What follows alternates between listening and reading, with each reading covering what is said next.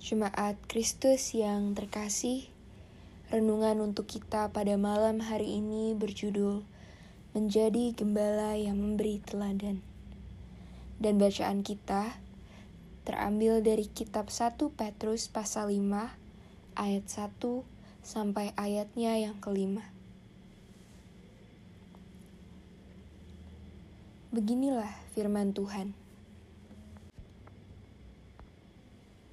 Aku menasihatkan para penatua di antara kamu, aku sebagai teman penatua dan saksi penderitaan Kristus, yang juga akan mendapat bagian dalam kemuliaan yang akan dinyatakan kelak.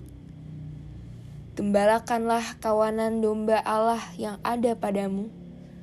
Jangan dengan paksa, tetapi dengan sukarela sesuai dengan kehendak Tuhan.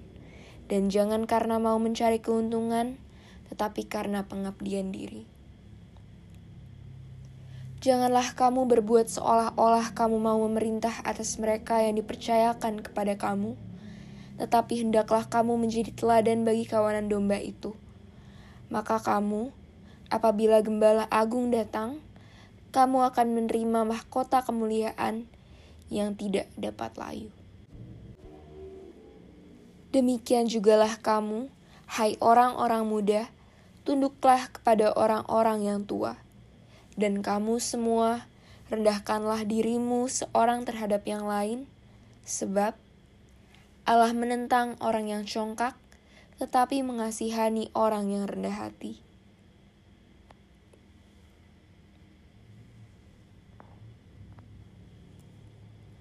Menjadi seorang pemimpin sejatinya tidak selalu mudah. Ada banyak tantangan, dan juga hambatan yang sangat mungkin menghadang kita. Sebab ada banyak tuntutan yang disematkan kepada para pemimpin dari pengikutnya. Hal ini tentu wajar, sebab para pengikut selalu mencari sosok yang lebih daripada diri mereka. Nah, ini yang kadang menjadi persoalan yang tidak selalu mudah untuk menjaga komitmen dan konsistensi kita ada banyak kelemahan yang ada dalam diri kita yang membuat kita sangat mungkin untuk jatuh ke dalam dosa. Lalu, dengan demikian, apakah kita tidak mungkin menjadi pemimpin? Terlebih dalam konteks rohani sebagai gembala bagi umat. Tentu saja tetap bisa. Asal kita tidak menggunakan kekuatan kita sendiri, tetapi berserah dan memohon pertolongan dan pimpinan Allah.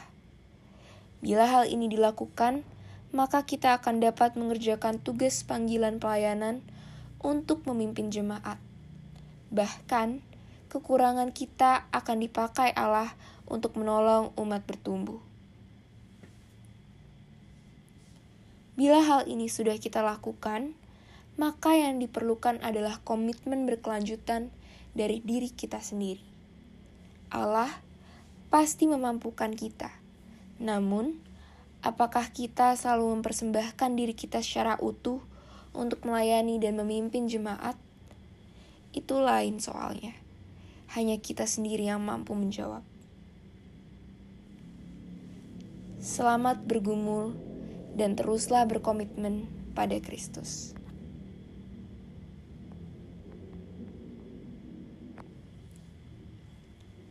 Demikianlah renungan malam ini.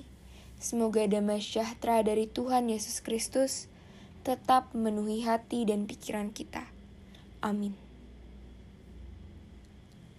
Jemaat yang terkasih, mari kita bersatu hati untuk menaikkan pokok-pokok doa yang ada dalam gerakan doa 21 GKI Sarwa Indah. Mari kita berdoa.